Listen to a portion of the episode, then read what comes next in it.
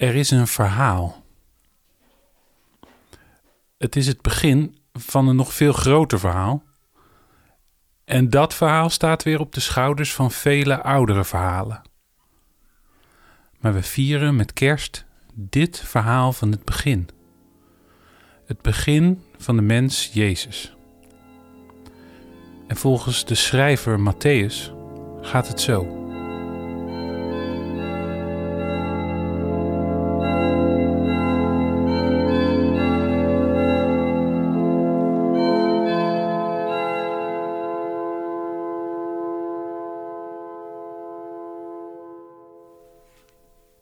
Toen zijn moeder Maria al was uitgehuwelijkd aan Jozef, maar nog niet bij hem woonde, bleek ze zwanger te zijn door de Heilige Geest. Haar man, Jozef, die een rechtschapen mens was, wilde haar niet in opspraak brengen en dacht erover haar in stilte te verstoten. Toen hij dit overwoog, verscheen hem in een droom een engel van de Heer die zei: Jozef, zoon van David, wees niet bang je vrouw Maria bij je te nemen, want het kind dat ze draagt is verwekt door de Heilige Geest. Ze zal een zoon baren. Geef hem de naam Jezus, want hij zal zijn volk bevrijden van hun zonde. Dit alles is gebeurd omdat in vervulling moest gaan wat bij monden van de profeet door de Heer is gezegd. De maagd zal zwanger zijn en een zoon baren. En men zal hem de naam Immanuel geven, wat in onze taal betekent: God is met ons. Jozef werd wakker en deed wat de engel van de Heer hem had opgedragen. Hij nam zijn vrouw bij zich, maar hij had geen gemeenschap met haar voordat ze haar zoon gebaard had. En hij gaf hem de naam Jezus. Toen Jezus geboren was in Bethlehem in Judea, tijdens de regering van koning Herodes, kwamen er magiërs uit het oosten in Jeruzalem aan. Ze vroegen: Waar is de koning van de Joden die kort geleden geboren is? We hebben zijn ster gezien, die kwam aan de hemel omhoog, en nu zijn we gekomen om de nieuwe koning te eren. Koning Herodes schrok hevig toen hij dit hoorde, en heel Jeruzalem met hem. Hij riep alle hoge priesters en schriftgeleerden van het volk samen om aan hen te vragen waar de Messias geboren zou worden. In Bethlehem in Judea, zeiden ze tegen hem, want dat wordt al verteld in de heilige boeken. Daar staat: Luister, Bethlehem in Judea, jij hoort bij de belangrijkste steden van het land, want uit Bethlehem komt de leider van Israël. Hij zal zorgen voor het volk van God, zoals een herder voor zijn schapen zorgt. Daarop riep Herodes in het geheim de magiërs bij zich. Hij wilde precies van hen weten wanneer de ster zichtbaar geworden was en stuurde hen vervolgens naar Bethlehem met de woorden: Ga naar Bethlehem en zoek uit waar het kind precies is. Als jullie hem gevonden hebben, moet je dat aan mij komen vertellen, dan kan ik ook naar hem toe gaan om hem te eren. Nadat ze de koning hadden aangehoord, gingen ze op weg. En nu ging de ster die ze hadden zien opgaan voor hen uit, totdat hij stil bleef staan boven de plaats waar het kind was. Toen ze de ster zagen, werden ze vervuld van diepe vreugde. Ze gingen het huis binnen en vonden het kind met Maria, zijn moeder. Ze wierpen zich in aanbidding voor het kind neer Daarna openden ze hun kistjes met kostbaarheden en boden het geschenken aan: goud, wierook en mirre. En omdat ze in een droom de aanwijzing hadden gekregen dat ze niet naar Herodes terug moesten gaan, reisden ze via een andere route naar hun land.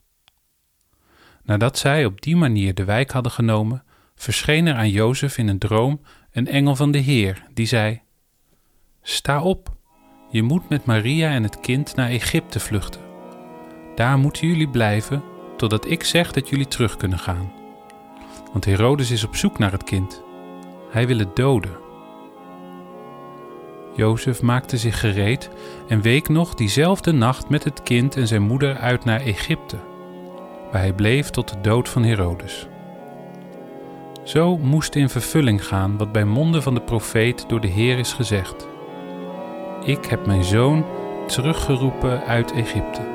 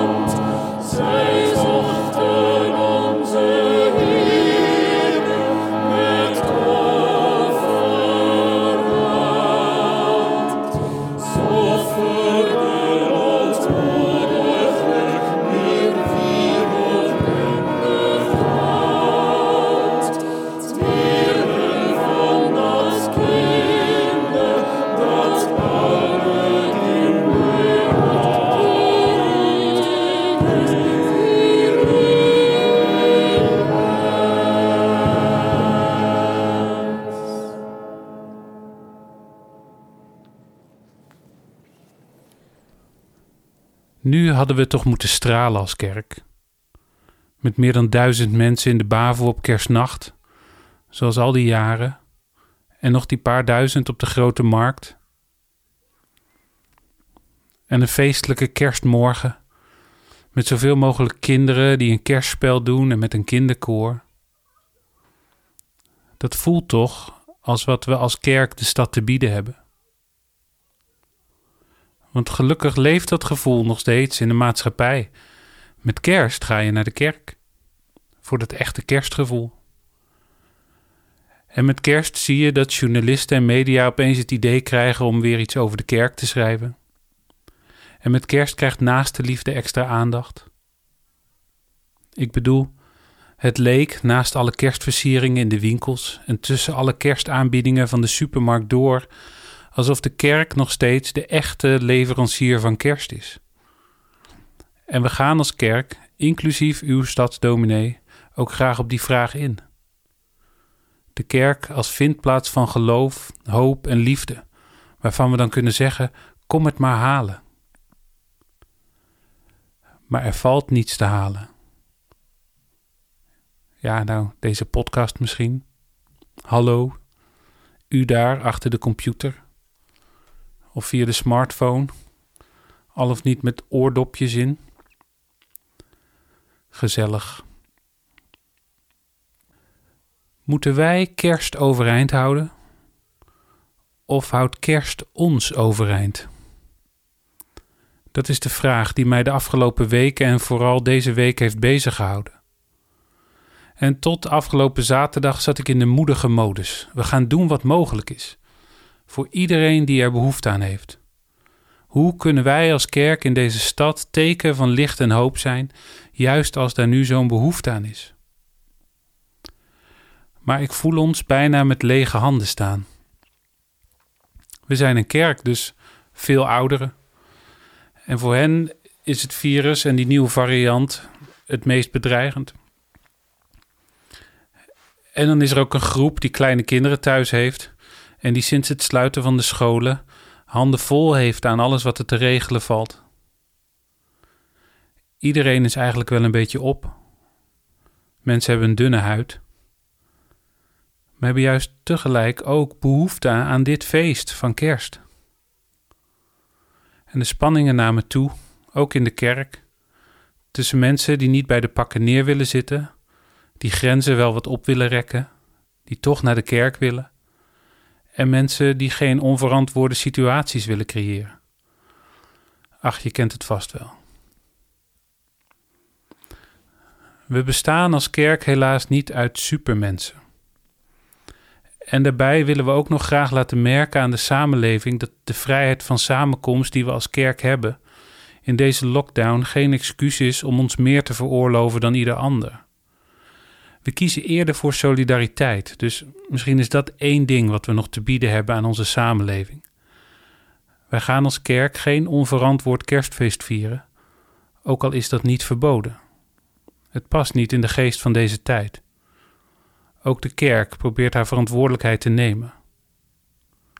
Hoewel er ook binnen de kerken een steeds grotere groep mensen lijkt te wachten op een kerk die de overheid en de maatregelen uitdaagt. Die de overheid opzij wil zetten met behulp van God. Ik geef toe, dat is een goede protestantse optie. Gehoorzaam zijn aan de overheid totdat. Maar het is wel een optie die je niet zomaar uit de kast moet halen. Dus dat doen we ook niet. Waarom niet? Ik denk omdat we ergens voelen dat het niet kerst is geworden dankzij de kerk, maar dat de kerk er is dankzij het verhaal van kerst. Kerst is niet een product dat de kerk in de aanbieding heeft. Niet wij dragen kerst, kerst draagt ons. Niet dat we dat zo gevoeld hebben de afgelopen week, maar als we erbij stilstaan, dan weet je dat het klopt. Kerst is geen opgave, maar een gave. Een cadeau. Waar misschien wel een feest bij hoort. En wij hebben als kerk vooral te worstelen met hoe we dat cadeau in ontvangst nemen. En hoe groot het feest is dat we erbij geven. En het zal u niet ontgaan zijn dat de grootte van een feestje voor meer mensen een moeilijke vraag was de afgelopen weken. Maar voor ons als kerk gaat het dus niet in de eerste plaats om hoe wij het cadeau van kerst aan de samenleving moeten geven, maar om welk cadeau er voor onszelf ligt in het evangelie van kerst. En de volgende vraag is dan welk feest voor iedereen daar in deze tijd bijpast. U hoort misschien, ik preek tegen mezelf. Maar ook voor alle mensen die de afgelopen weken van de ene wijziging naar de andere holden. Vol goede moed eerst nog, langzaam veranderend in frustratie. Niet alleen in de kerk hoor, thuis, op het werk, op de vereniging, overal improviseren, aanpassen, plannen niet doorzien gaan, kerst en oud en nieuw plannen herzien met familie of vrienden, rekening houden met verschillende meningen en gevoeligheden. De strijd rondom vaccinatie en boosters is inmiddels al vergeleken met een moderne kerkscheuring. Dwars door gezinnen en families lopen de breuklijnen. En die breuklijnen kwamen ook de afgelopen week dichtbij. Maar kerst draagt ons allemaal. Hoe dan?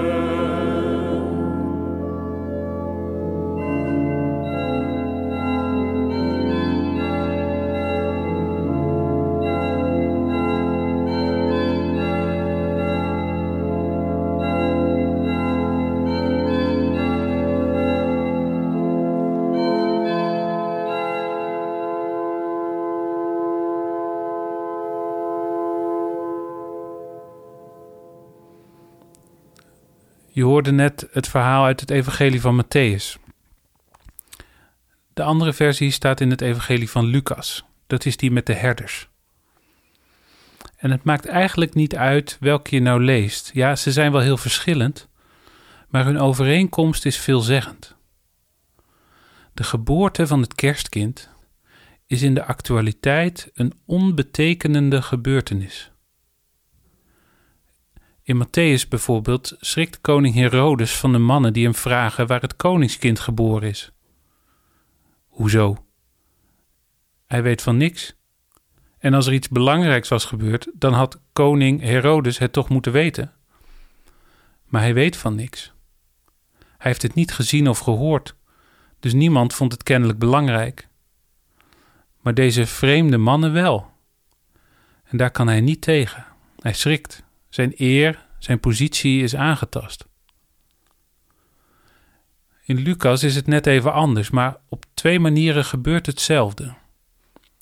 Jozef en Maria zijn verplicht naar Bethlehem te reizen voor de volkstelling, maar de opvang zit vol en ze komen in een stal terecht. Het gebeurt zeg maar in de marge. En ten tweede, wie zijn de eerste die engelen horen zingen? Herders in het veld, ver weg van de samenleving, in niemands land. Daar zingen de engelen. Dus ook weer in de marge. eigenlijk gaat het nog wel iets verder. Maria is niet zwanger van haar man. De meest slecht denkbare start voor een jonge vrouw in die tijd. Haar man Jozef wil haar desondanks niet verstoten. Ook hij heeft een engel gezien. Het goede nieuws van kerst moet ons door engelen worden ingefluisterd. Niet door de kranten, niet door Facebook of Insta, of dus niet door Meta, de nieuwe naam van het bedrijf dat boven of hoger betekent, een plek die we traditioneel aan engelen toeschrijven. Kerst is de ontdekking van het kleine, van het ongeziene en het ongehoorde, in beide betekenissen. Letterlijk, het kleine is de redding van de wereld, niet het grote. In onze tijd niet het exclusieve grote dat maar voor een paar mensen binnen bereik is, regeert deze wereld. Maar het kleine, dat voor iedereen zo dichtbij is, dat geen journalist er ooit over zal schrijven, dat er geen camera op gericht zal worden. Daar is kerst. En dat is het nieuws dat niet alleen ons vandaag draagt, maar dat ook onze voorouders heeft gedragen. En dat hopelijk ook onze kinderen en kleinkinderen zal dragen. Er is een koning geboren, redder van de wereld. En niemand wist ervan, behalve een paar gekke mannen uit het oosten en een paar herders uit het veld. Maar Maria, de moeder, die wist het al. Jozef kon het gelukkig net geloven. De geschenken van de wijze gaan niet naar de grote Herodes, maar naar de kleine koning. Hij wordt de redder genoemd maar hij is nog tot niks in staat en afhankelijk van de zorg van mensen. Wat gaat ons redden uit deze crisis? Dit kind, de redder van de wereld, groeit op. En in de kerk lezen we over een paar maanden op Pampaas het verhaal hoe Jezus op een ezel als bevrijder in Jeruzalem verwelkomd wordt. Mensen willen geloven dat Hij die redder is en dat het betekent dat hij hen zal bevrijden uit de crisis van de Romeinen. Maar dat doet hij niet. Jezus zal ons ook niet bevrijden van corona, niet van de lockdown. Jezus bevrijdt ons niet van, maar midden in de verdrukking. Hij bevrijdt ons van onze wereldse logica, dat groter en sterker beter is dat zelfredzaamheid beter is en autonomie.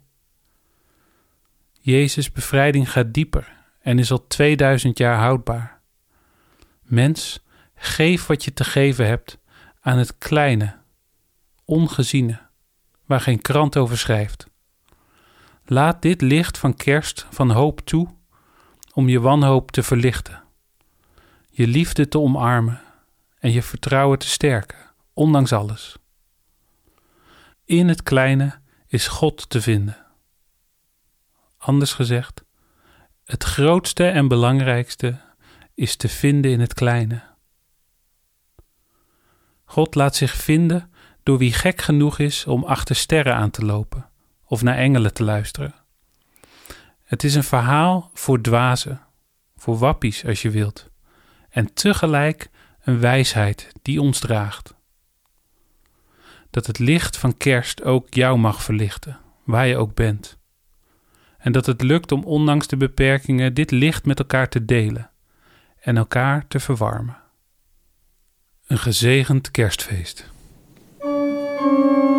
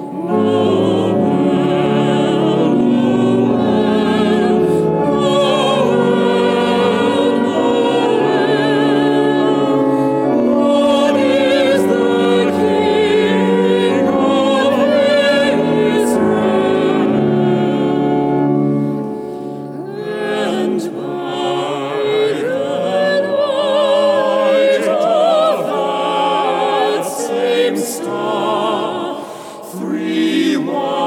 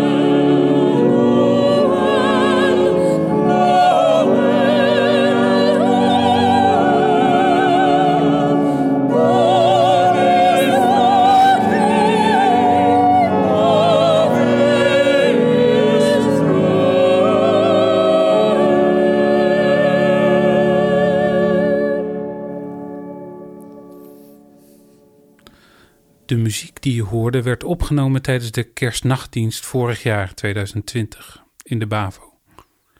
Anton Pauw maakte de arrangementen en speelde op het Mulleorgel. Ook hoorde je Judith van Wanrooy, sopraan, Petra Erisman, alt, Joost van Velzen, tenor, Michel Poels, bas en Helen Tilmans, hobo en andere instrumenten. Mijn naam is Tom de Haan, stadsdominee namens de protestantse gemeente Haarlem.